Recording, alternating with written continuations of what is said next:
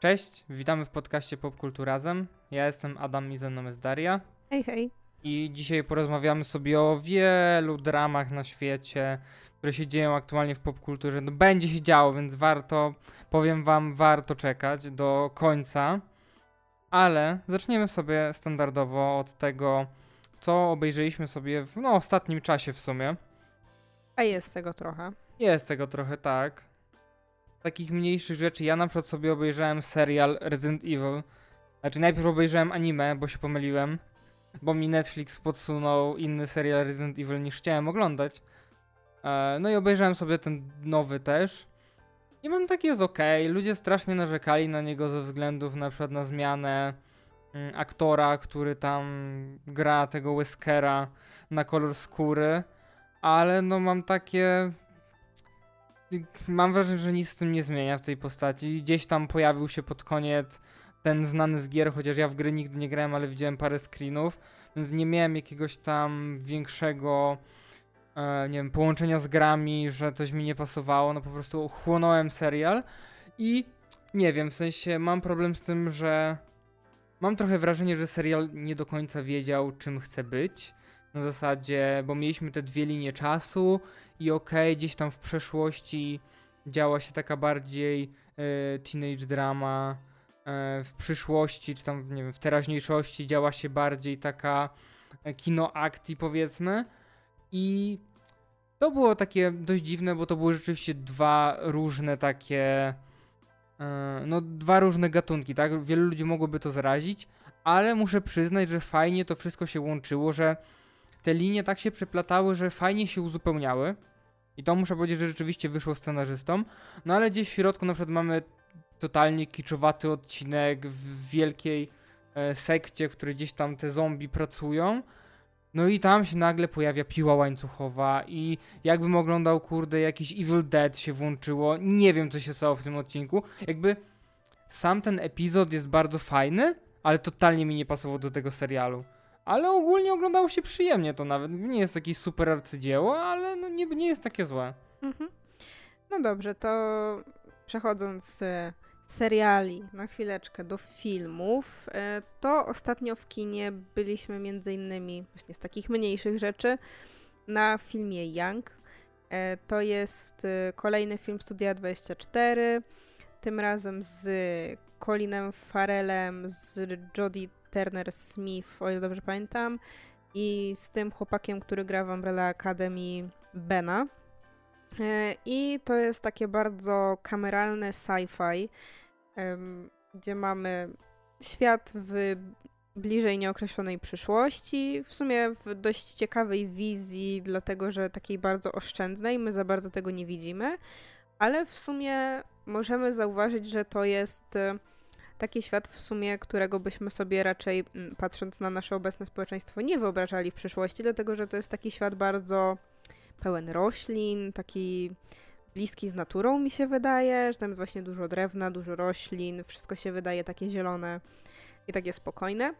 I y, cała akcja filmu rozpoczyna się w momencie, w którym tytułowy Young, y, grany właśnie przez tego aktora z Umbrella Academy, którego imienia niestety nie pamiętam, który jest takim androidem, e, będącym jakby substytutem brata dla córki tej pary, po prostu doznaje awarii. I wtedy ojciec, czyli e, Colin Farrell, próbuje w jakiś sposób go naprawić, chodzi sobie do różnych ludzi i później okazuje się, że mm, w tym androidzie wewnątrz jego ciała jest jakiś taki nadajnik, z pamięcią. I okazuje się, że tak naprawdę mm, ten android nie był tylko taką zwykłą maszyną, ale był osobą, która miała swoje własne życie, która zapisywała wspomnienia. I to jest ogólnie taki właśnie bardzo kameralny film, który pewnie ma jakieś głębsze przesłanie, ale w sumie oglądając go jakoś tak za bardzo się na nim nie skupiałam. I jest po prostu taki bardzo spokojny taki melancholijny, bo dużo tam opiera się właśnie na oglądaniu tych wspomnień, które często są takie bardzo proste, mm, ale jest bardzo przyjemny. Mi się bardzo podobał, pomimo tego, że właśnie to nie jest nic takiego wow, można sobie to kiedyś obejrzeć na streamingu Ale było to bardzo taki przyjemny, spokojny seans. No, te wspomnienia były takie proste, no bo tam było powiedziane, że on zapisywał jakieś parę sekund każdego dnia, jakieś tam najważniejszą sytuację z dnia, więc dlatego też one były takie krótkie, ale to mi się podobało, właśnie tak jak mówiłaś, świat, w sensie był tak przedstawiony mocno kameralnie, niby mówi się, że wiesz, futurystyczny świat, przyszłość, a nie widzimy tak naprawdę tej przyszłości za bardzo, bo zazwyczaj jak mamy gdzieś ujęcia, no to albo jest w domu, albo w jakimś warsztacie, albo w samochodzie. I co ciekawe, zawsze jak mamy ujęcia samochodu, no to mamy z środka. Nie widzimy nigdy tego samochodu z zewnątrz, nie widzimy świata na zewnątrz, zawsze są ujęcia do środka samochodu.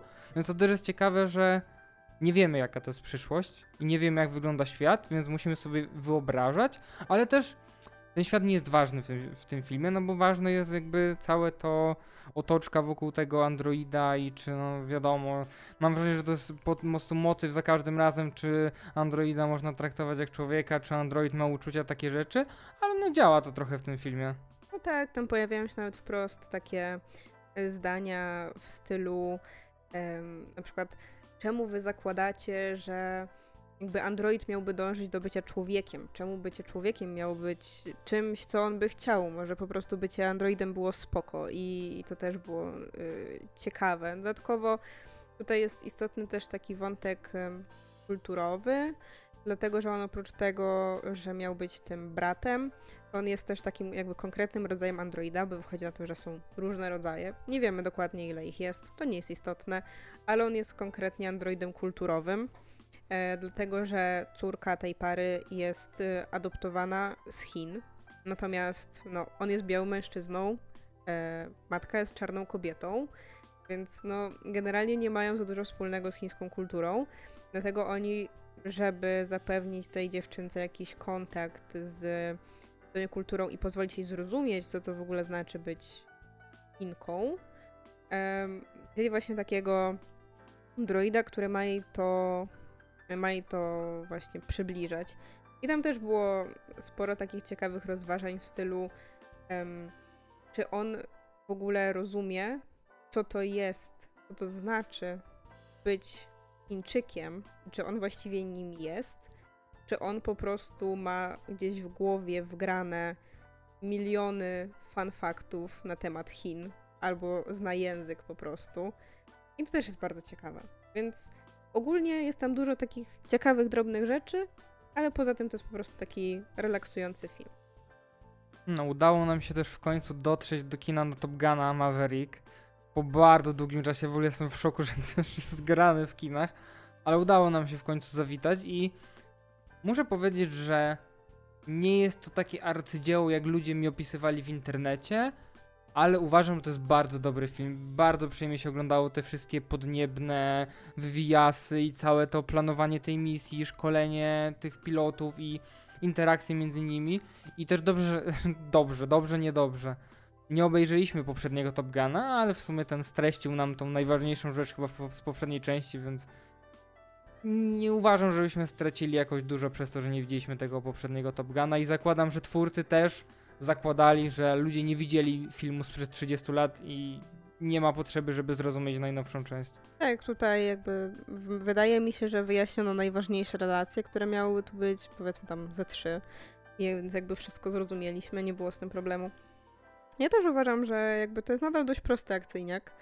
Y, nie jest to coś takiego wybitnego, y, ale szczerze przyznam, że jak już była ta końcówka, gdzie już zaczęła się misja i faktycznie musieliśmy się, mm, mieliśmy się dowiedzieć, czy mm, to, do czego oni trenowali, się faktycznie uda, no to już faktycznie można było czuć te emocje. Tam bardzo fajnie te sceny podniebne były nagrane.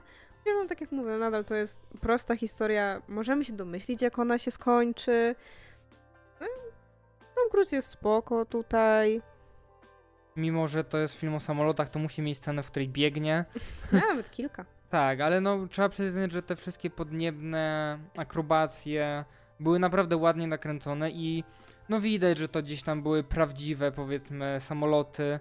Gdzieś tam nagrywali, może się wspomagali CGI, ale no widać, że to nie jest pełne CGI, bo wygląda na... Wy, pod względem efektów specjalnych, pod względem jakichś efektów praktycznych, wizualnie ten film jest naprawdę bardzo, bardzo ładny. Mhm, to prawda. Ja w sumie Jakby wydaje mi się, że CGI widziałam tylko w tej scenie początkowej, gdzie on leciał tym jakimś super szybkim samolotem i jakby tam jego ta twarz wyglądała troszeczkę jak twarz Ironmana, gdzie jakby wiemy, że on jakby no nie siedzi za tą jakby maską, tylko jest ta jego twarz tak doklejona.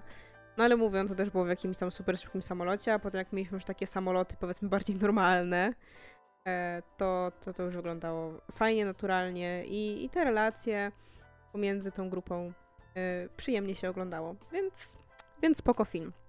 I w sumie chciałam wspomnieć o jeszcze jednej małej rzeczy, a mianowicie troszeczkę innej, dlatego że o filmie, na którym byliśmy, a którego nie skończyliśmy oglądać. E, dlatego, że poszliśmy sobie ostatnio też na Niewiniątka. To jest e, film norweski e, i ja byłam nim zainteresowana przede wszystkim dlatego, że to jest e, film e, w reżyserii Eskila Wokta, czyli człowieka, który współtworzył z Joachimem Trierem chyba wszystkie jego filmy. Chyba wszystkich tworzył scenariusz albo współtworzył. A ja bardzo te filmy Triera lubię. Więc byłam ciekawa, chociaż już przyznaję, że jak widziałam trailer, to myślałam sobie, że to może nie być film dla mnie, bo to jakby nie wiem, ty sam mówiłeś, że tego nie zauważyłeś w zwiastunie, ale dla mnie zwiastun zapowiadał, że będzie strasznie taki creepy film. E, I no taki był. E, I dla mnie był niestety aż za bardzo. I jakby pomijając już kwestię tego, dlaczego wyszłam, tam pojawia, pojawiają się chyba ze dwie albo nawet trzy takie bardzo wyraźne sceny znęcania się nad zwierzęciem. Nie chciałam po prostu tego oglądać, stwierdziłam, że dziękuję. Jakby mamy Unlimited, to sobie możemy pozwolić, bo nie wydaliśmy na to kasy jakby bezpośrednio. Wiadomo, że wtedy byłoby trochę inaczej. Mm, ale nie wiem, czy też to poczułeś, ale mm, była taka jedna rzecz, która mnie w tym filmie trochę irytowała. My obejrzeliśmy, nie wiem, z pół godziny jego, ale odnosiłam wrażenie, że to jest jeden z tych filmów, yy, z tych takich thrillerów, których ja bardzo nie lubię. Czyli to są takie filmy, które każdą dowolną czynność pokażą ci jako najbardziej creepy albo obrzydliwą na świecie. To jest coś takiego, co ja odczuwałam, jak my byliśmy na kiedyś na takim wspaniałym polskim filmie. On się nazywał Ciemno prawie noc. To jest ekranizacja jakiejś książki, ja jej nie znam, może ona jest ok, ale sam w sobie film dla mnie był cienki po prostu jak dupa węża. I tam dosłownie jedzenie kanapki, czy cokolwiek, i jakakolwiek ulica w mieście były przedstawiane jako najbardziej obrzydliwa rzecz na świecie. Podobnie było na przykład, jak byliśmy kiedyś w kinie na horrorze, on się nazywał Impostor po polsku. I tam dosłownie też, jakby przejście przez korytarz musiało być tak straszne, że ja miałam takie, Boże, jak ci ludzie w ogóle żyją? Że oni nawet nie potrafią przejść przez dom, żeby, się, żeby to nie było straszne, nie? I ja odnosiłam wrażenie, że w tym filmie było tak samo. Że jakby każda rzecz, którą te dzieci zrobiły, bo jakby to jest y, film, który się skupia na dzieciach małych, tak? Czyli generalnie na tym, co te dzieciaki tam robią, jak rodzice nie widzą. Jakby dosłownie każda rzecz, którą one robiły, miała być pokazana jako albo obrzydliwa, albo straszna. I mnie to irytuje strasznie. Nie wiem, nie lubię takiego budowania napięcia, bo, bo jest go po prostu za dużo. Jakby jest taki niewyważony zupełnie, mi się wydaje. Więc w ogóle ja potem czytałam opinię na temat tego filmu i tam podobno jakieś supermoce później wchodzą. No przecież widać było, że ta dziewczynka miała supermoce jedno. Ja właśnie myślałem, że to będzie o czymś takim film po tym zwiastunie. Że to będzie taki ten, y, jak ten z tym Brightburn. Supermanem. No. Nie, ja właśnie myślałem, że to będzie coś takiego. Pewnie jakbym był sam w kinie, to bym dokończył ten film, ale jakoś nie wiem, na razie nie zrobił. Nie, nie rozkręcił się dla mnie jeszcze za bardzo, żeby jakkolwiek móc go ocenić i powiedzieć, no był obrzydliwy, tak jakby miałem trochę wrażenie, że to ma być trochę taki mocny gore, czy coś tam, może nie aż, no, może tak, może być pod gore podchodzić, takie coś jakby, no to jest w sumie ciekawe, że gdzieś tam zabijanie ludzi, wszystko spoko, ale nagle znęcanie się nad zwierzętami, nawet takie, nie, już nie, nie, nie tak, znaczy przeszkadza bardziej, chodzi mi o to, nie? Że jakby bardziej wywołuje w człowieku takie emocje. Wiem, ale jakby wydaje mi się, że u mnie, w sensie jak osobiście mogę powiedzieć, to wydaje mi się, że to jest po prostu kwestia tego, że jakby ja wiem, że zwierzę jest bezbronne. Jakby zwierzę generalnie nie ma jak się bronić i dlatego bardziej mnie to uderza. Wiesz, wydaje mi się, że gdyby to była równie graficzna scena z y, robieniem czegoś człowiekowi, to też byłaby dla mnie czymś za dużym. Ale no właśnie w przypadku zwierząt, jakby akurat w moim przypadku to jest tak, że mnie to uderza, dlatego że wiem, że zwierzę nie jest w stanie się bronić. Zwłaszcza takie zwierzę, jak było tam, czyli był kot.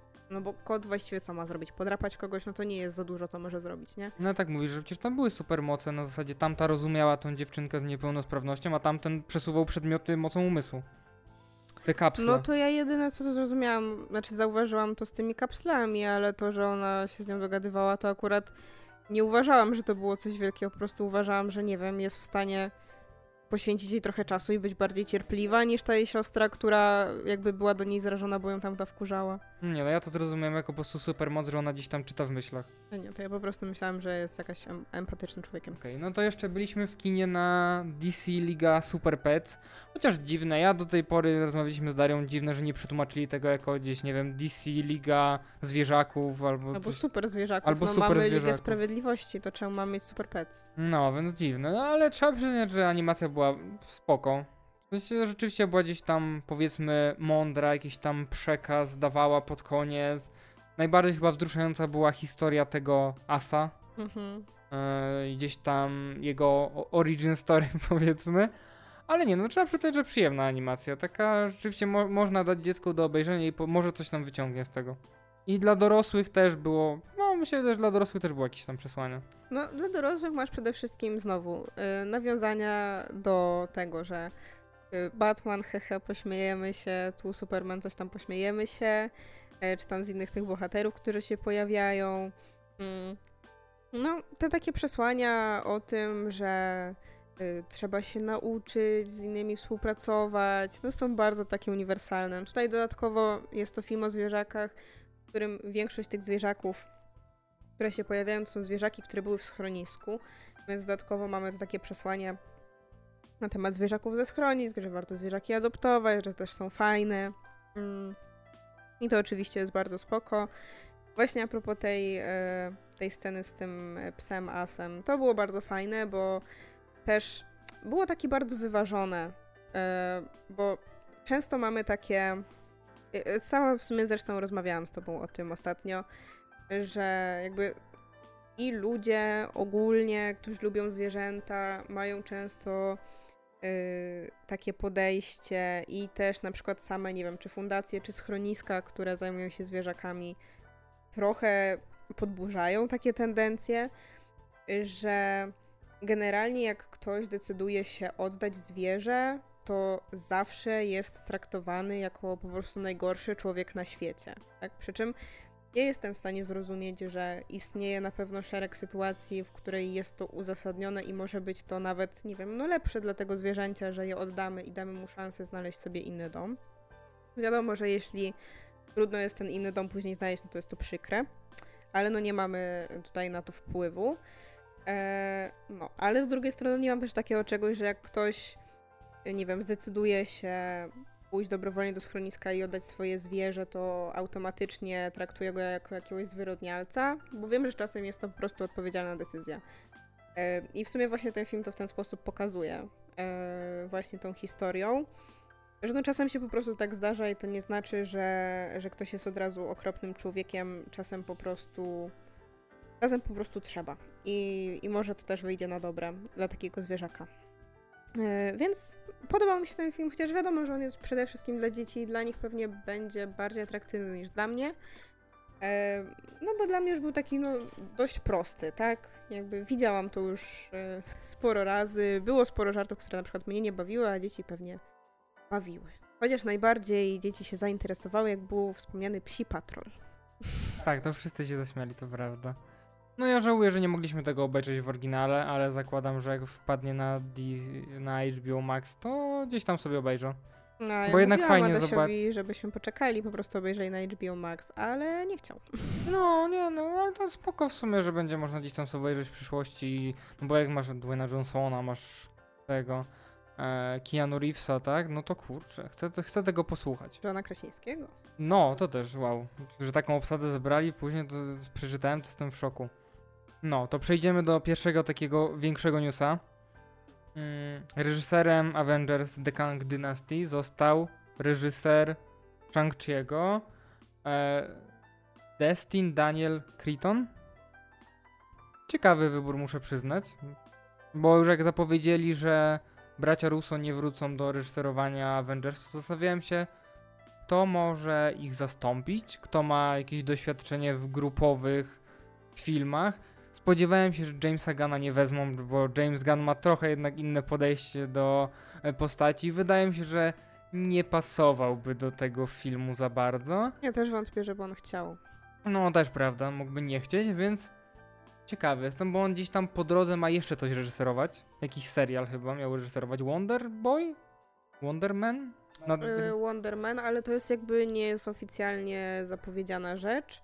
No i pewnie będzie jeszcze jakiś sequel Shang-Chi po drodze, bo jakby o tym się mówi, że ma gdzieś być, ale wiadomo, to są nadal rzeczy, które są niezapowiedziane, może na tym D23 coś powiedzą, ale nie wiadomo.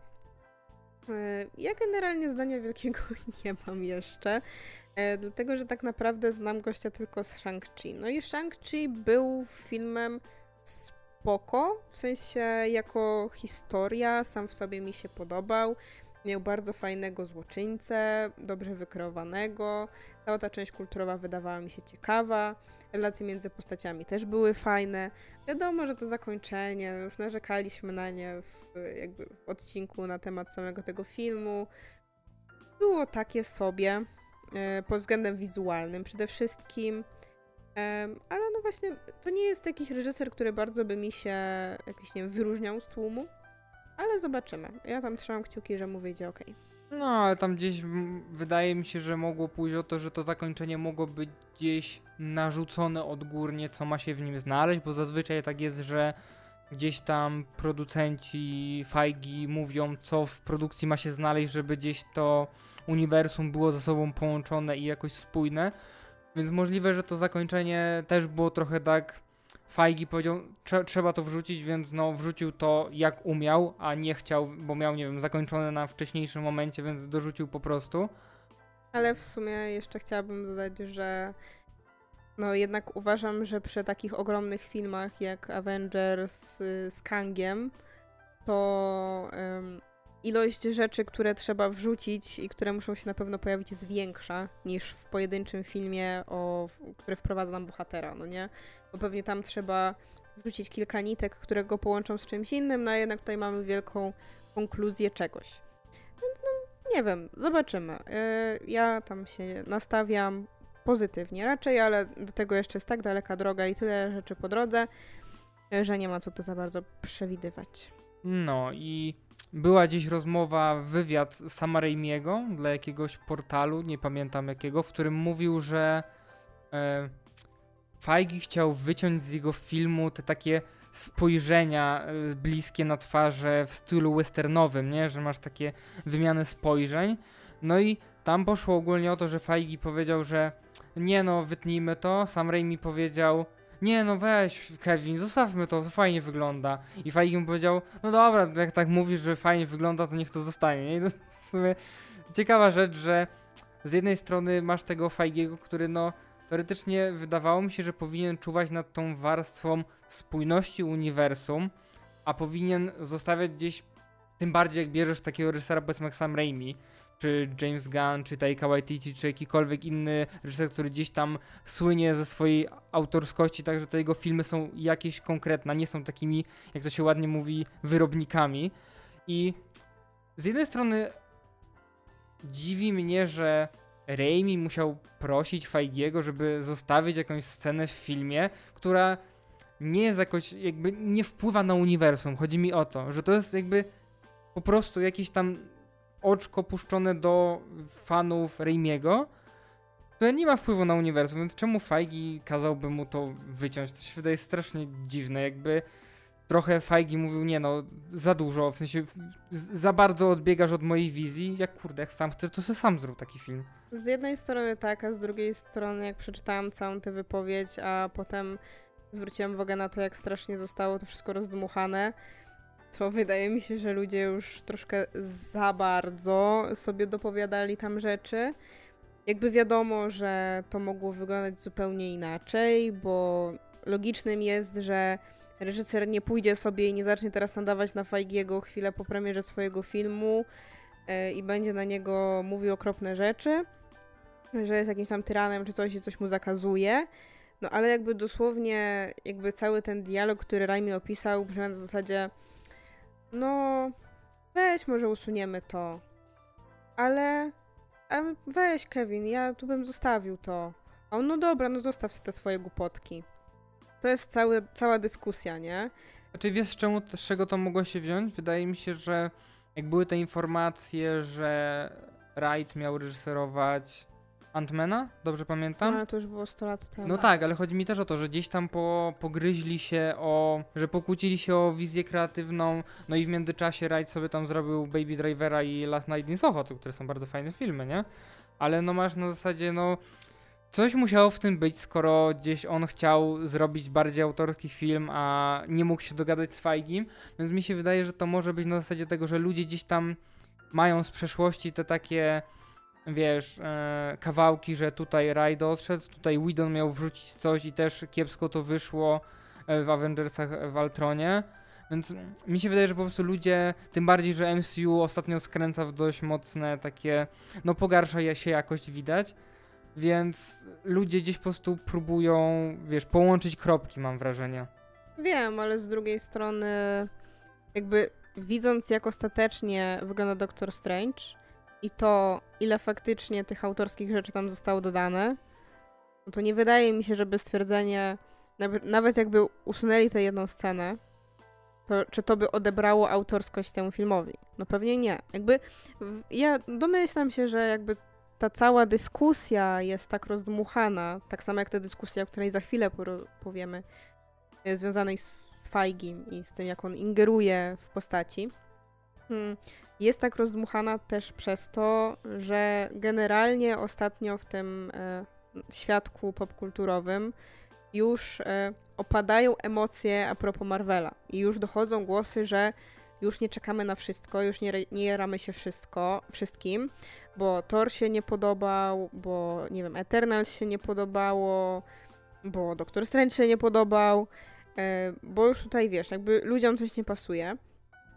I wydaje mi się właśnie, że im więcej tych sceptycznych głosów, tym też więcej takiego, wiesz, wyciągania jakichś rzeczy i dokładania sobie. Jakby oczywiście są te zarzuty, które są w stosunku do Marvela czy do Disneya ogólnie yy, bardzo uzasadnione. A propos całej sprawy z twórcami efektów specjalnych, oczywiście. I tu trzeba ich y, walić po dupie cały czas, bo to jest okropne, jak się ich traktuje. Już oczywiście wiadomo też, że trzeba też y, za to mm, suszyć głowę przede wszystkim jakby szefom tych studiów, które się zajmują efektami, bo to oni muszą proponować też stawki i oni potem też pewnie narzucają tempo pracy swoim pracownikom. Więc to nie jest też tak, że tam Y, Fajgi stoi z batem i im tam bije, bo oni też mają innych ludzi nad sobą jakby bezpośrednio w firmach. Więc ta patologia jest po prostu rozprzestrzeniona na cały ten dział produkcyjny. Więc to jest oczywiście taka rzecz, y, którą trzeba piętnować, ale jakby tutaj wydaje mi się, że to są rzeczy, na które można zwrócić uwagę, mm, bo może to faktycznie o czymś świadczy, ale też wydaje mi się, że są troszeczkę bardzo rozdmuchane. W sensie, że do bardzo krótkich wypowiedzi tworzy się bardzo wielką teorię, nie?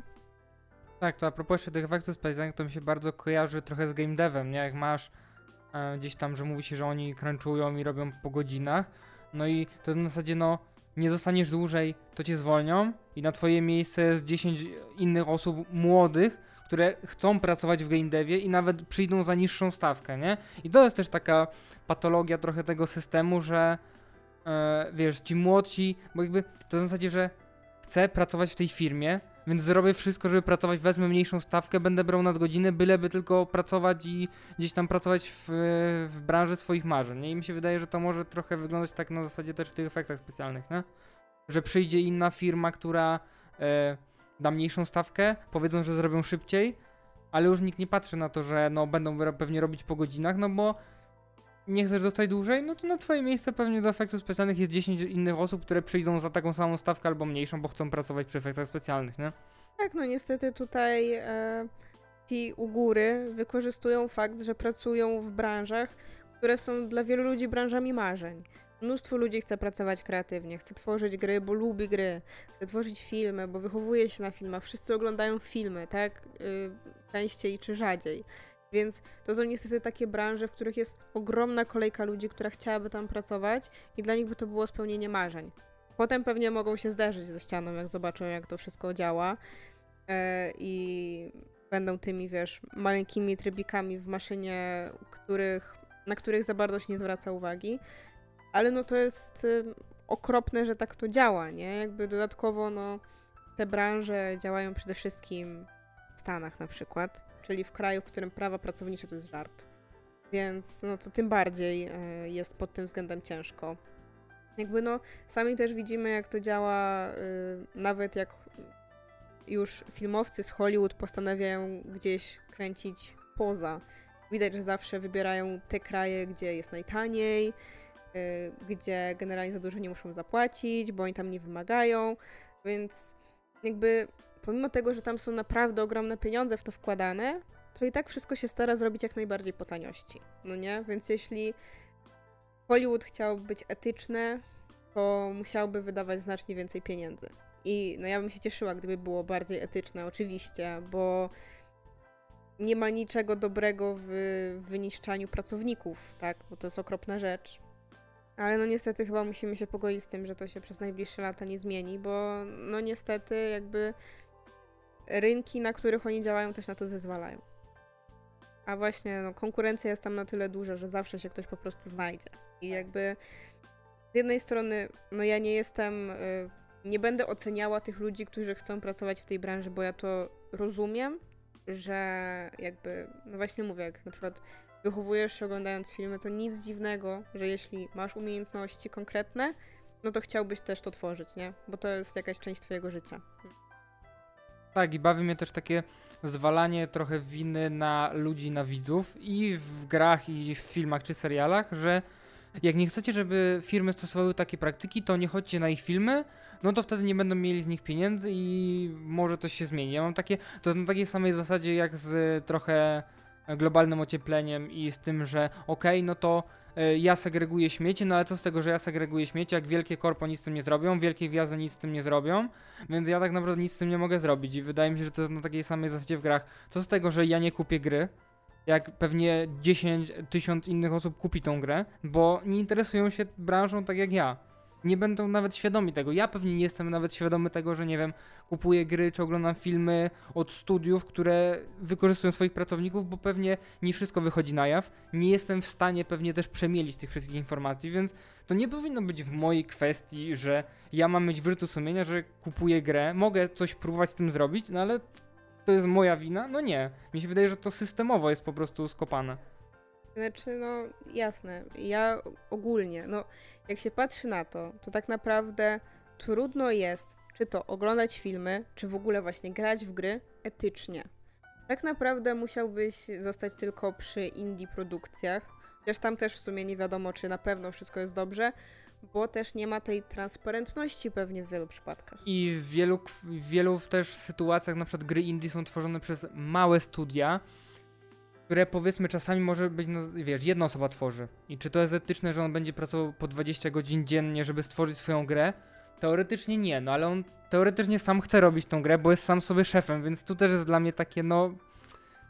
Ciężko powiedzieć, nie? Tak. No z drugiej strony też wiemy o tym, bo czytało się niejednokrotnie jakieś wypowiedzi, właśnie na przykład, na przykład a propos gier, gdzie jakby pojawiają się takie głosy, pracowników, którzy mówią, że na przykład szef właśnie nie przychodzi i nie narzuca mi, że ja mam zostać, ale inni pracownicy są już po prostu takimi niewolnikami tego systemu, albo są takimi pracocholikami po prostu, że jakby wywierają presję na innych, bo jakby oni zostają nie wiadomo ile godzin, więc ty, jak wyjdziesz normalnie po 8 godzinach, no to będziesz uznawany za kogoś, kto się leni, tak? Jeśli wszyscy twoi koledzy zostają po 15. Więc jakby no to jest już jakaś po prostu jakiś rak, który siedzi w tym całym systemie. I oczywiście, tak samo jak z globalnym ociepleniem, e, to nie znaczy, że nie powinno się robić zupełnie nic. E, ale to też nie znaczy, że jakby całość odpowiedzialności powinna być zrzucona na malutkiego mm, konsumenta, tak? Więc oczywiście e, ja mogę, wiesz, nie używać plastiku, nie jeść mięsa, jeździć komunikacją, nie wiem, kupować e, te gry z drugiej ręki, czy coś takiego. Ale no to i tak jakby w ogromnej skali mm, no nie zmieni całego systemu, tak? No przede wszystkim to system powinien się zmienić i jakoś to powinno działać, dlatego trzeba o tym mówić, trzeba lobbować za różnymi konkretnymi rozwiązaniami i to jest tak naprawdę jedyna rzecz, która coś może zmienić. A fajnie, że mały konsument podejmuje swoje decyzje jakieś bardziej etyczne, bo wiadomo, że to jest już coś, już jest jakiś krok, ale no jednak całego świata się nie zbawi, jak jest się jakimś małym człowieczkiem w Polsce. Um, no. No właśnie, y, to w sumie przejdźmy do tej drugiej wypowiedzi y, Fajgiego, znaczy a propos Fajgiego, y, która moim zdaniem też troszeczkę została jakby tak rozbuchana do granic możliwości. I ona dotyczy Miss Marvel. Dlatego, że jakiś czas temu w Colliderze, o ile dobrze pamiętam, pojawił się wywiad z reżyserami tego serialu, a właściwie no, z jednymi z reżyserów, bo wiadomo, że e, tam mamy sześć odcinków i często jest tak, że każdy tworzy ktoś inny. Tutaj mieliśmy reżyserów, którzy tworzyli pierwszy i ostatni, ale no też byli takimi najbardziej medialnymi nazwiskami. I um, tam pojawiła się wypowiedź, y, którą właśnie znów e, media e, też zinterpretowały, albo też no, część czytelników zinterpretowały jako stwierdzenie, że Kevin Feige musiał utemperować styl tych reżyserów. No i mm, tam faktycznie w tej wypowiedzi pojawia się stwierdzenie, że już sam fakt, że oni mieli reżyserować pierwszy i ostatni odcinek, to też była odgórna decyzja Feigiego, E, że on chciał, żeby oni właśnie nadali najpierw temu serialowi styl, a później, żeby go ładnie domknęli. I jakby takie było ich zadanie. No przy czym no, on jest producentem, więc jakby nie dziwi mnie, że on tutaj o tym decyduje. Mm. I później oni właśnie wspomnieli, że generalnie w samym scenariuszu do serialu nie było wzmianek a propos tego, że miałyby się tam pojawiać te takie zabawy wizualne. My wspominaliśmy o tym w samym odcinku Miss Marvel, E, to są te wszystkie takie e, sceny, które na przykład pokazują rzeczy na ścianach, e, te różne rysunki, wizualizacje ala komiksowe. I oni stwierdzili, że to był bezpośrednio ich pomysł. Że oni przyszli do Feigiego, powiedzieli, że mamy pomysł taki i taki. No i wynika z ich wypowiedzi również, że Kevin Feige wysłuchał ich, powiedział, że super pomysł, bardzo mi się podoba, róbcie to, tylko nie przesadźcie, żebyśmy nadal jakby skupiali się na postaciach. I to jest cała wypowiedź. No i oczywiście jakby też zostało założone, jakby dopowiedziane, że oni chcieli na przykład, nie wiem, zrobić tego znacznie więcej, a on im na przykład powiedział, że mają to wyrzucić, bo tak trochę rozumiałam niektóre wypowiedzi. Mm, Albo, że jakby przez to, nie wiem, dalsza część serialu już nie była aż tak bardzo wizualnie wyrazista. Przy czym akurat wydaje mi się, że to, że ona była mniej wizualnie wyrazista, nie wynika z tego, ale z tego, że robili to już właśnie inni reżyserowie. Znaczy, to wynika pewnie z tego, że robili inni reżyserowie, ale też pewnie z tego, że ja na przykład nie widzę, gdzie można by tam wstawić te takie wizualne wstawki za bardzo. Jakby widać, rzeczywiście widać, że ten pierwszy, ostatni odcinek wyróżnia się na tle, na tle tego środka. No ale tak naprawdę, czy w tych retrospekcjach było gdzieś wrzucić takie wizualne zabawy? Może by znaleźli gdzieś miejsce, ale no widać, że to była, tak jak mówiłaś, ich decyzja, ich pomysł.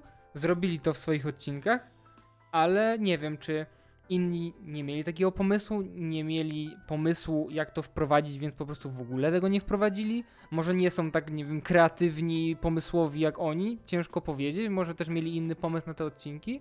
To jakby też trochę pokazuje, że rozbijanie całego serialu na kilku reżyserów też nie zawsze jest dobrym pomysłem. Albo na tak różnych reżyserów, bo jakby nie wiem, byli reżyserowie, którzy mają podobny styl, to może by to jakoś dało się ugrać. No tak, no bo z drugiej strony jakbyśmy założyli, że oni mają wszyscy reżyserowie, którzy mają różne style, usiedli przy jednym stole i mają określić, jak mają to robić, i to ma być jedna sztywna ramka, no to też byłoby to troszeczkę ograniczające może dla niektórych. Więc no tutaj jakby powinien być jakiś klucz doboru twórców, nie? A tu jakby wyraźnie widzimy, że mamy w pierwszym odcinku reżyserów, którzy są bardzo kreatywni, robią bardzo fajne wizualnie rzeczy, a później i może właśnie historia trochę na to nie pozwala. Myślę, że można byłoby gdzieś tam coś wrzucić, może poza właśnie tym y, odcinkiem przeszłości, no bo to się dużo łączyło z technologią, właśnie z współczesnymi rzeczami, no z tym jak Kamala ogólnie myśli, a tam tej Kamali też nie było bardzo dużo. Hmm.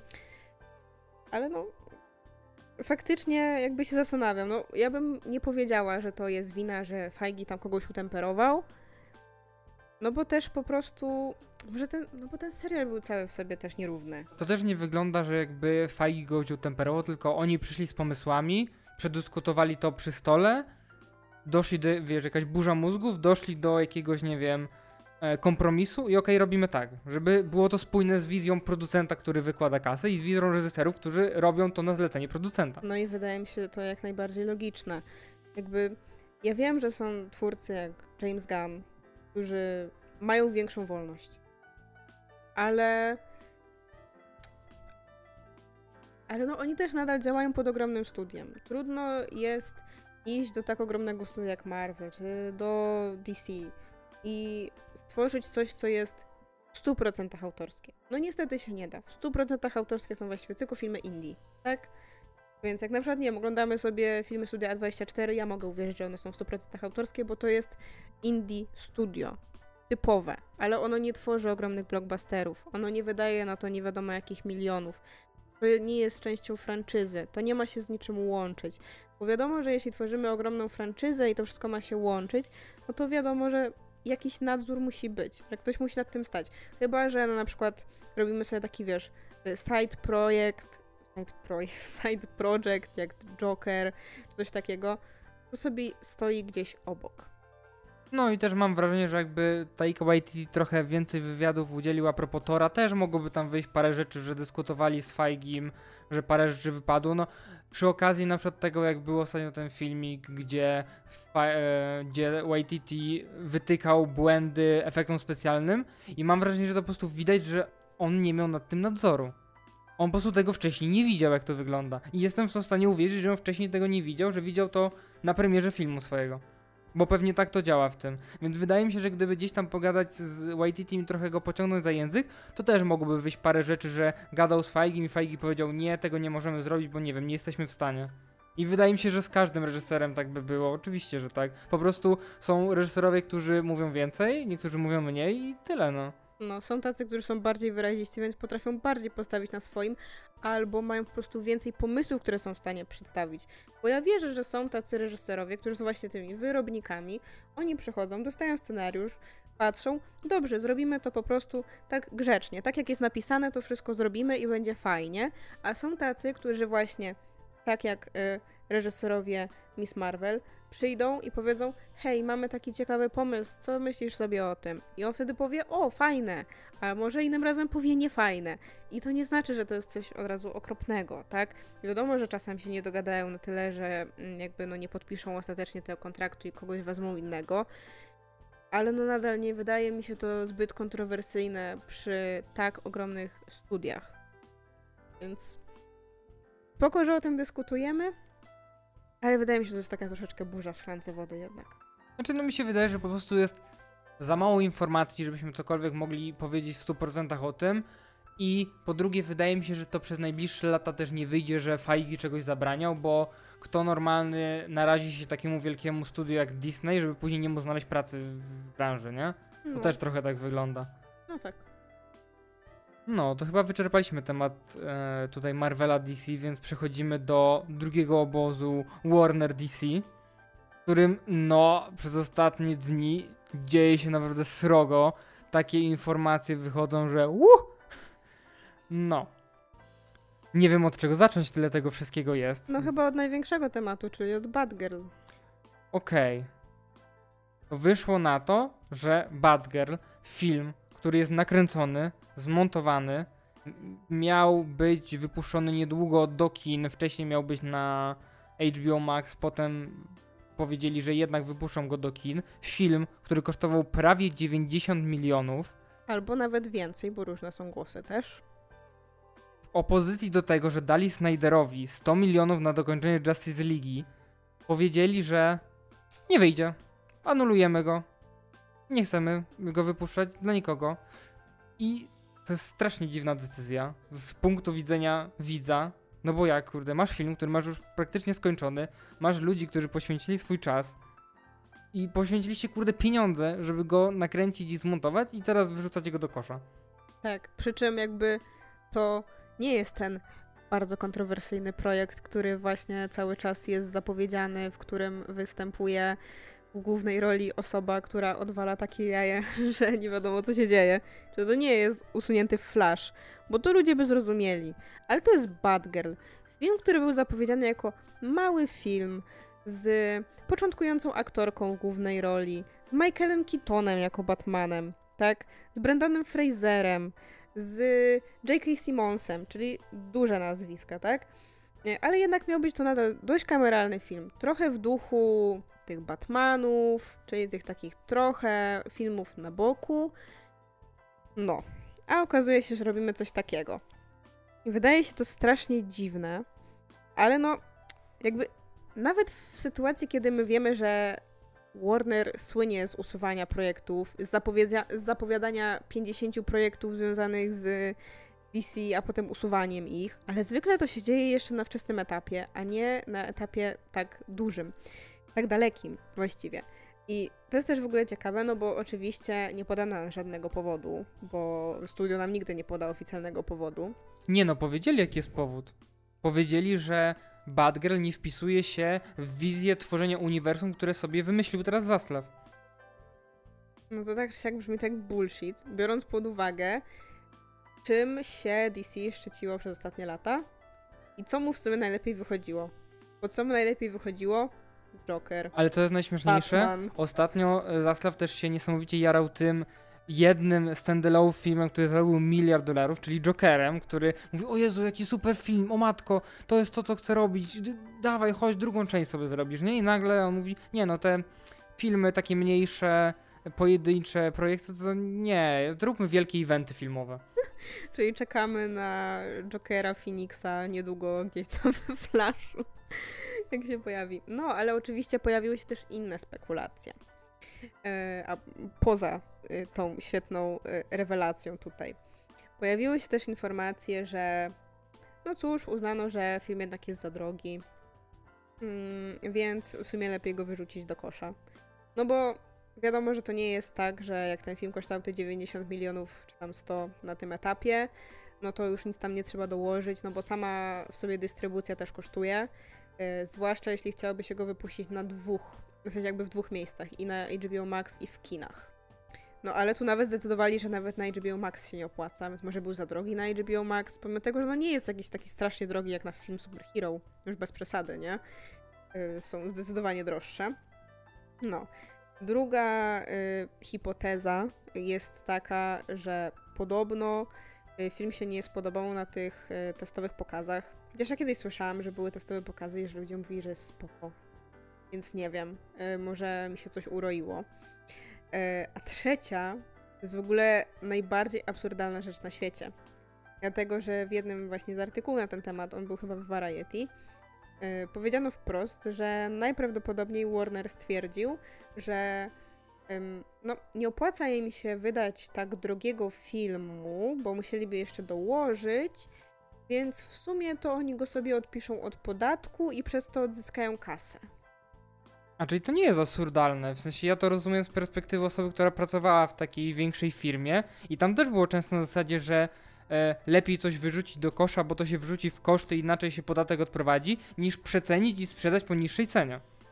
To jest normalna rzecz w takich firmach wielkich, więc dla nich lepiej jest po prostu wyrzucić projekt do kosza i sobie to wpisać w straty firmy i jakoś inaczej odprowadzić do tego podatek, może jeszcze jakoś ugrać coś z tego, niż po prostu wypuścić, żeby miał zarobić kilka dolarów i to byłoby dla nich jeszcze większa strata. To jest normalna praktyka. Niestety tak jest, ale to jest praktyka, którą się stosuje. No jest to jedna z najbardziej obrzydliwych, wydaje mi się, praktyk korporacji. Jakby w sensie, tak jak na przykład ty mówisz e, na przykładzie powiedzmy sieci marketów, e, że wywalenie żarcia, które jest królową praktyką, tak? E, powiedzmy, że wyrzucenie żarcia, które może nawet potem sobie ktoś znajdzie w tym świetniku i sobie weźmie. Nie znajdzie, bo to się w, w specjalne kontenery wrzucały się odsyłało do magazynu, więc nawet nie zrobisz tak. A, Niestety. A, no dobra, no to chciałam powiedzieć, że jest powiedzmy um, potwarzem dla mniejszej ilości osób niż w przypadku filmu, nad którym pracują setki, jak nie tysiące osób. E, które może i tam dostaną sobie jakiś czek, ale no na pewno im to nie będzie to na tyle duży prestiż czy satysfakcja, niż jak, jak zobaczyć film, w którym jesteś, e, czy w którym e, brałeś udział, nad którym pracowałeś i który sobie wpiszesz potem pięknie w swoje CV czy portfolio. No bo tak naprawdę nikt go nie zobaczy, więc na co ci to? Na co ci te lata pracy, które spędziłeś tam, skoro nikt tego efektu nie zobaczy i nie jest w stanie zweryfikować twoich umiejętności przez to, tak? Więc no, wydaje się to świńskie turbo. Jakby dodatkowo tam dochodzi ta informacja, jakby, bo za ten film odpowiadają ci sami reżyserowie, o których mówiliśmy przed chwilą przy okazji Miss Marvel, więc to już w ogóle tam yy, przykro mi yy, F dla no nich. I, tak, i dodatkowo jeszcze F dla nich, dlatego że anulowali im projekt y, sequela Bad Boys przez wybryk Willa Smitha na Oscarach. Więc kolejny projekt im odpadł, więc no mają ostatnio bardzo złą passę. Tak, a jeszcze dowiedzieli się, yy, znaczy informacja a propos tego, że Batgirl została, została wywalona do kosza w momencie, w którym jeden z nich miał ślub. Wspaniała robota, ale no generalnie e, to jest tylko jakby jeden ze strasznie dziwnych ruchów, które wykonuje jakby Warner jako ogół. I tu nie chodzi tylko o DC, no bo tam wiadomo, tam jeszcze usunęli parę innych rzeczy. Usunęli tylko Scuba, drugą Tak, część. który też, nie, który też z tego, co twórcy mówią, był już praktycznie skończony, mieli go wypuszczać, bo on chyba by miał być na HBO Max tak jak pierwsza część.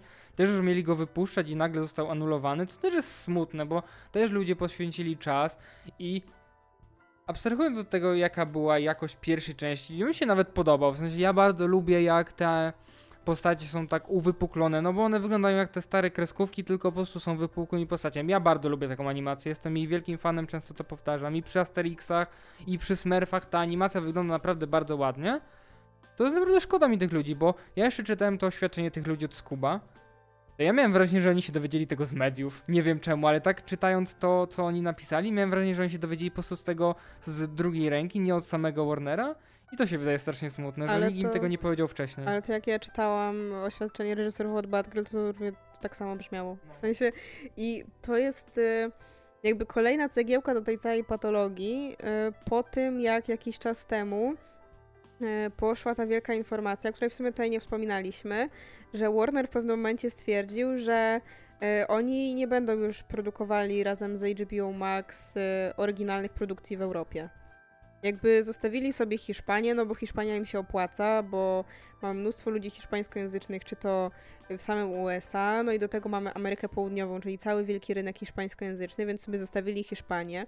Zostawili też Francję, bo generalnie pewnie jakby we Francji nie robili żadnych oryginalnych produkcji, to Francja by ich wykopała, dlatego że oni mają bardzo restrykcyjny, tam dość wysoki procent tych produkcji oryginalnych, który musi być na platformie streamingowej, e, żeby, żeby w ogóle ona działała. Tam chyba z 20? Więc to jest dużo jak na, na to. To jest chyba najwięcej w Europie, na ile sobie pozwolili. Ale no to Francuzi. Oni lubią swój język, więc e, jakby jestem w stanie to zrozumieć, że, że tak zrobili. Spodziewałam się. No generalnie we wszystkich innych stwierdzili nagle, że elo.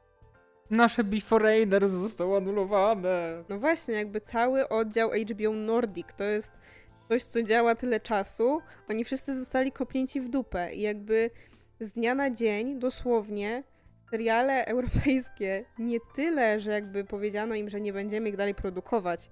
Oni je z dnia na dzień usunęli z HBO Max. I właśnie a propos Beforeigners, czyli Przybyszów, em, takiego norweskiego filmu, czytałam wypowiedź em, showrunnera tego filmu, e, przepraszam, tego serialu, który jakby dosłownie powiedział, że oni się dowiedzieli o tym, że ich serial zniknął z HBO Max, dlatego że fani zaczęli do nich pisać, że nie mogą tego serialu znaleźć. I oni potem dopiero dostali telefon, że hej, cześć, e, ściągamy wasz serial. To brzmi dla mnie po prostu tak absurdalnie. W sensie, jakby jasne, istnieją szanse, że oni te seriale, te, te prawa posprzedają gdzieś, że tam trafią na jakiegoś Netflixa, na Amazona, y, pewnie te nordyckie na przykład na Viaplay, bo to jest y, ich tam miejscowa, mm, taka regionalny streaming, ale to brzmi po prostu tak absurdalnie, zwłaszcza, że jakby jak się wchodziło na HBO Max jakiś czas temu, to nie wiem, no ja przynajmniej tak miałam, że na samej górze cały czas wyświetlały mi się europejskie seriale. Ostatnio było dużo popularnych. To jakiś, był jakiś węgierski, był duński, yy, było mnóstwo rzeczy. A jeszcze śmieszniejsza rzecz a propos tego wszystkiego jest taka, że sam Warner, czy tam HBO, zorganizowało w tym roku taki festiwal, na którym jakby zbierali scenariusze od europejskich twórców, e, żeby może wybrać któryś i stworzyć potem serial. Plus e, mieli w tym roku wchodzić na rynek turecki. I już z tureckimi twórcami też się dogadywali a propos tworzenia seriali. I one teraz wszystkie idą do kosza, tak naprawdę. Że jakby Turcy też słusznie powiedzieli, że to trochę głupi ruch. Ja też się nie dziwię, biorąc pod uwagę, jakim ostatnio furorę robią te wszystkie tureckie problemy. Więc jakby to jest dla mnie tak po prostu nielogiczne. W sensie, ja nadal uważam, że oferta HBO Max na przykład pod względem filmów jest bardzo dobra. Tam jest na przykład dużo właśnie europejskich rzeczy, tam można fajne filmy znaleźć, ale no ten ruch serialowy jest moim zdaniem totalnie głupi, no bo tak naprawdę oni sobie teraz pewnie przekalkulowali, że jakby my sobie możemy po prostu robić same amerykańskie rzeczy i ludzie i tak będą to oglądali, mamy to w dupie, ale to jest straszna potwarz dla wszystkich e- europejskich twórców teraz, no nie? Którzy lata z nimi współpracowali. Jakby no, tam też jakby ten gość od Beforeigners się wypowiadał, że no to jest przede wszystkim no, jest to duża strata dla branży, dlatego że HBO oferowało im naprawdę bardzo fajne warunki, że dawali im dużo wolności, dawali im kasę, e, a jednocześnie byli taką gwarancją jakości, tak? A teraz w tym momencie oni sobie idą. Znaczy, ja chciałem powiedzieć, że jest nadzieja, że może jakiś Netflix czy ktoś ich wykupi, ale słysząc o tym, jakie Netflix ma problemy finansowe i co tam się też dzieje, to wątpię, żeby mogli sobie pozwolić, żeby wykupić wszystko, co stracił e, HBO, czyli co stracił, co anulował HBO. Więc to się wydaje smutne, co się stanie z tymi teraz wszystkimi twórcami. No, wydaje mi się, że, no mówię, na przykład w przypadku tych nordyckich strzelam, że mogą właśnie trafić na to via Play, a reszta wydaje mi się, że może zagarnąć to Amazon i, i tyle, no. Więc... No, to z takich jeszcze anulowanych DC, to na przykład anulowali Blue Beetle. A to ja nie słyszałam, żeby to było oficjalnie, ja po prostu słyszałam, że ludzie się zaczęli A, martwić. okej, no bo ja mam takie, to też w sumie chyba ostatnio zaczęli kręcić, gdzieś tam były zdjęcia z planu, więc to się wydaje też strasznie smutne, jeżeli to też anulują, no ale wydaje mi się, że może być, że anulują, no bo skoro wszystkie te mniejsze projekty anulują, no to to też pójdzie do kosza. No tak, nie wydaje mi się, że jeśli Bad Girl im się nie kalkuluje, to Blue Beetle będzie im się kalkulować, gdzie to wydaje się jeszcze mniejszy film, no bo Bad Girl chociaż ma tego Kitona i jakieś powiązanie z Batmanem, tak? A tutaj to jest w ogóle bardzo niszowy bohater. Więc no, tego co doczytałem, to też anulowali wszystkie seriale CW i teraz te serie, sezony, które są aktualnie, to mają być ostatnimi sezonami na CW i mają zagarnąć wszystkie marki do siebie. no to słyszałam, że Flash na przykład będzie się już kończył na kolejnym sezonie. Tak, dodatkowo też e, anulowali po cichu, nikomu nic nie mówiąc, e, 6 originalsów HBO Max i tam był Moonshot, The Witches, Locked Down, Super Intelligence, Charm, City Kings i An American Pickle. Nie znam żadnego z tych seriali, ale podobno anulowali nikomu nic nie mówiąc o tym. No i dodatkowo się mówi o tym, że HBO Max ma podobno zwolnić 70% personelu odpowiedzialnego to było do spraw rozwoju i mają się teraz, mają nie robić seriali HBO Max Originals, tylko wszystkie takie seriale ma przejąć znowu zwykłe HBO. Czyli tak jak było przed wprowadzeniem platformy HBO Max. No. No i ludzie już się zaczęli zastanawiać, co się będzie działo z tymi serialami, które są aktualnie, czyli na przykład, nie wiem, The Last of Us, co będzie z sukcesją, co będzie z euforią, z takimi rzeczami, nie? Z rodem smoka. Podobno to są seriale HBO po prostu, więc one zostają. Podobnie gdzieś tam Gunn się wypowiedział, że Peacemaker zostaje, że drugi sezon będzie. No ale ja mam dobra, okej, okay, drugi sezon Peacemakera będzie, to powiedział, ale co z jego spin-offami innymi? Miała być na przykład spin-off Amandzie Waller na przykład i co z nim? Wątpię, że on teraz powstanie po tym, co się dzieje. No tak, zwłaszcza to już się wydał bardzo malutki projekt, nie? No to jest mega ciekawe. Jakby do tego dochodzą jeszcze takie rzeczy już tak typowo z naszego podwórka a propos HBO, bo już jakiś czas temu to zauważyliśmy. Na przykład my oglądamy sobie na HBO Max serial Co robimy w ukryciu, ten serial o wampirach. E, I mm, to jest y, serial, który nie jest oryginałem e, HBO Max, on jest z Hulu, z tego co pamiętam. E, ale no tutaj już się pojawił taki mały zgrzyt, dlatego że jak wychodził nowy odcinek, no to okazało się, nowy odcinek, bo wychodzi kolejny sezon, chyba czwarty, to się okazało, że w Polsce się pojawi, ale z opóźnieniem dwutygodniowym. No i dobra, jeszcze w przypadku serialu, który nie jest oryginalną produkcją HBO Max, mogę zrozumieć. A What We Do in the Shadows nie jest dostępny też na Disney Plus? Te trzy sezony? Jeszcze nie, okej, okay, dobra. Nie, właśnie ludzie się zastanawiali, czy nie powinien być, ale y, nie ma. Pewnie powinno być w Star. Może kiedyś się pojawi w sumie. Ym, no, więc to jest jedna rzecz. Ale druga rzecz jest jeszcze zabawniejsza, dlatego że mamy serial Harley Quinn, y, ten animowany. No i jest to zdecydowanie oryginalny serial y, produkcji HBO Max, który teraz zaczął już wychodzić. Chyba wyszły już nawet trzy odcinki, a w Europie po nim ani widu, ani słychu. Podobno y, nowe odcinki wyszły tylko w Stanach, w Hiszpanii i w Wielkiej Brytanii. A reszta nie wiadomo.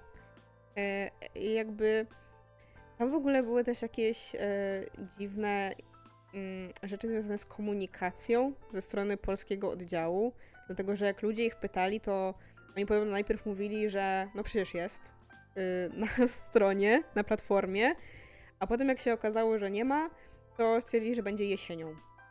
Nie dookreśloną jesienią, czyli równie dobrze może być pod koniec września, równie dobrze może być pod koniec listopada. Więc no to już wydaje się, że to są troszeczkę jaja, biorąc pod uwagę, że mamy tutaj właśnie do czynienia z serialem, który jest oryginalną produkcją tej platformy, nie wykupowaną z innej. Tak, ja z tego co słyszałem, to tam podobno Warner się wypowiedział, że tam poszło prawa autorskie jakieś, że oni nie mają praw do dystrybucji w Europie jeszcze. To się wydaje śmieszne, ale podobno taki poszedł komunikat, że no nie mogą, więc muszą poczekać dopóki nie wygasną jakieś tam prawa. No, ale tak czy siak to co wszystko, to wszystko co się dzieje dookoła HBO Max to jest dla mnie kabaret po prostu. Tak, a tak ostatnio gdzieś tam chwaliliśmy, że no w końcu jakaś tam mała rewolucja, Zaslaw zasiadł na tronie Warnera, w końcu coś się dzieje, w końcu coś zmieniają, może będzie lepiej, no i tu właśnie tak jest lepiej, nie? Tak, no zwłaszcza mówiliśmy, że fajnie, że to DC w sumie się trochę odcina, nie próbuje udawać Marvela, budować wielkiego uniwersum, w którym wszystko musi być połączone. Fajnie, tak jakaś trochę świeżość, że robią coś innego i robią mniejsze projekty. Tak. To jest w sumie ciekawe, że Zaslav mówi, że no, chcą teraz robić wielkie filmy z tymi znanymi bohaterami, a masz, że Superman ostatni ile wyszedł? 10 lat temu? Z Kawilem? Ten solowy? Sequela się nie doczekaliśmy. Batman w sumie dostał teraz z Pattinsonem solowy, a Affleck nigdy nie dostał swojego solowego no, ma filmu. być w Aquamanie dwójce, No tak, ale chodzi mi, o, chodzi mi, o, solowy film, tak? No, był Więc Batman v Superman. Masz Wonder Woman, która sequel miała beznadziejny, masz Flasha, który pewnie też nie wyjdzie i sobie go odpiszą od podatku, bo po co go wypuszczać teraz w takiej sytuacji. Aquaman, ok, gdzieś tam wychodzi, no ale masz gdzieś tam Łana za sterami, no to powiedzmy, że spoko. No ale, ale, nadal mają kontrowersje, bo mają Amber Heard, nie? I tam też już były jakieś zamieszania wewnątrz. Jak już też robić film o Justice League, no to wątpię, że zrobią film o Cyborgu, yy, gdzie było mówione, że ten Ray Fisher, tak? Dobrze mówię? Gdzieś tam yy, gadał ze Snyderem i gdzieś tam razem na, nagabywali na Warnera, więc wątpię, że dostanie jeszcze pracy. Wątpię Chociaż Snyder... też, żeby chciał, bo raczej tam już jest za duża drama. Tak, więc wow, ja nie wiem, co, jaka jest przyszłość Warnera, ale zapowiadało się, że będzie już lepiej po tym, jak odszedł stary zarząd, a wychodzi na to, że dzieje się coraz gorzej. I niestety ta konkurencja pod mm, HBO Max, która miała być dla Disneya i dla Netflixa, mam wrażenie, że już żadną konkurencją nie jest. Mam wrażenie, że teraz gdzieś tam ten Amazon wychodzi na większą konkurencję, no bo teraz oni będą mieli ten Władcy Pierścieni? Tak, więc wydaje mi się, że oni gdzieś tam mogą przejąć stery, tym bardziej, że Amazon ma kasę. I ma bardzo tanią subskrypcję. W sensie tą opcję wykupienia. No bo oni mogą sobie pozwolić, wydaje mi się, że oni nie utrzymują się tylko z produkcji No tak, no filmowo-serialowych. mnóstwo rzeczy, nie? Ale no właśnie HBO Max wydaje mi się, że odkąd się w Polsce pojawiło, to zbiera baty. W sensie mnóstwo ludzi na to narzeka. Jakby nie tylko na to, jak działa aplikacja, bo zapowiadano, że będzie działała lepiej niż HBO Go, a ludzie nadal narzekają. Jeden plus, ostatnio się pochwalili, że wprowadzili do gry o Tron chyba 4K. Wow, do jednego serialu? No. A który też jest w sumie produkcją HBO, a nie HBO Max. No, yy, ale dodatkowo mówi się też o tym, że cały czas zapowiadali, że dadzą to, to, tamto i nadal tego nie ma. Tam miało być a propos tych na przykład animacji z Cartoon Network yy, czy Looney Tunesów. Nie ma tego nadal. Teraz wychodzą te akcje, że rzeczy premierują, a u nas tego nie ma i niektórzy pewnie już sobie piracą. Taką Harley Quinn na przykład. Tak, to jest w sumie ciekawe, że ja myślałem, że teraz taką moją wiodącą platformą streamingową będzie HBO, no bo rzeczywiście HBO wypuszczało naprawdę jakościowe seriale. To teraz mam wrażenie, że moją platformą główną, na której oglądamy głównie rzeczy teraz, to jest Disney+. Tak, co jest ciekawe, bo ja odnosiłam wrażenie, że Disney będzie przede wszystkim po to, żeby no obejrzeć sobie Marvelka albo obejrzeć sobie jakieś stare animacje, bo na przykład ostatnio oglądaliśmy Lilo i Stitch, oglądaliśmy Potwory i Spółka, więc fajnie, no, jakby powtarzamy sobie takie rzeczy, które oglądaliśmy jak byliśmy dzieciakami, albo na przykład nie widzieliśmy. A tu się okazuje, że jakby oglądamy sobie inne produkcje, które tam teraz wychodzą i jest fajnie i, i nie ma problemu, tylko dodajcie mi resztę sezonów X-Men Animated. No. Ale no, jest mi smutno, bo obejrzeliśmy tylko pierwszy sezon Beforeigners, a drugiego nie obejrzeliśmy i nam usunęli dranie. Tak, takie moje podsumowanie całej tej historii. No, smutne to jest, no jakby boję się o to, no bo słyszy się, że Netflix trochę podupada, mają problemy finansowe, HBO teraz tak naprawdę podupada w oczach wszystkich, więc wychodzi na to, że co, Disney Plus będzie miało za chwilę, mono, może nie monopol, ale będzie tą wiodącą, co się wydaje dziwne, bo tyle zwlekali z wprowadzeniem się na rynek europejski, na rynek polski, a teraz tak naprawdę, no oglądam tam cztery seriale, wszystkie, które wychodzą na bieżąco raz w tygodniu, co, co mi odpowiada, bo ja bardzo lubię tą dystrybucję, bo siadam sobie raz w tygodniu, tutaj poniedziałek jeden odcinek jednego serialu, wtorek drugi odcinek drugiego serialu i tak co, co tydzień coś tam sobie oglądam, nie? I to jest jakby spoko. Z Netflixem cały czas nie mogę się przemóc, teraz wyjdzie niedługo ten Sandman i ja boję się, że nie obejrzymy go i w końcu nie omówimy go, podobnie jak z Umbrella Academy, którego obejrzeliśmy bardzo długo po premierze i nie możemy się zabrać za nagranie I czegokolwiek już o tym. uznaliśmy, że jakoś nie ma sensu. Chyba nie ma sensu, tak, no bo już wszyscy zapomnieli o tym i to jest wielki ból dla mnie tego, że to wychodzi raz w tygodniu i boję się, że Sandman też gdzieś tam zginie pod natłokiem wszystkich innych, wszystkich innych rzeczy. Tak, albo że no właśnie nie będziemy mieli czasu, żeby go oglądać, więc jakby jak my przyjdziemy już po obejrzeniu całości, to będziemy spóźnieni na imprezę i generalnie już wszyscy przegadają, co trzeba było przegadać i nawet nie będzie o czym podyskutować. No, to tyle działo się w ostatnim czasie, jest no grubo bym powiedział i smutno niestety. Tym pesymistycznym akcentem będziemy kończyć tym razem, nie Tak, możecie nam napisać w komentarzach, jak wy to widzicie, co sądzicie, co tam czytacie, jakieś spekulacje swoje, jakieś informacje, może czegoś nie doczytaliśmy, bo mogliśmy, z tyle tego wychodzi teraz, że to nie jesteście pewnie w stanie też. Próbowaliśmy naprawdę jak najwięcej informacji zebrać, no ale pewnie jak to nagrywamy, to 10 kolejnych informacji wyszło, więc no. Pięć nowych spekulacji, dlaczego Batgirl idzie do kosza. Tak. 10 kolejnych anulacji serialów, tak, seriali. tak. No. To tyle, kończymy. Dziękujemy za uwagę. Mnie wszędzie w internecie możecie znaleźć pod nickiem Adaś Alex. Mnie natomiast możecie znaleźć na facebookowym fanpage'u Ocieplanie wizerunku Skandynawii o skandynawskim kinie i na książkowym Instagramie Daria Podłoga OWS. I do usłyszenia. Cześć. Pa, pa.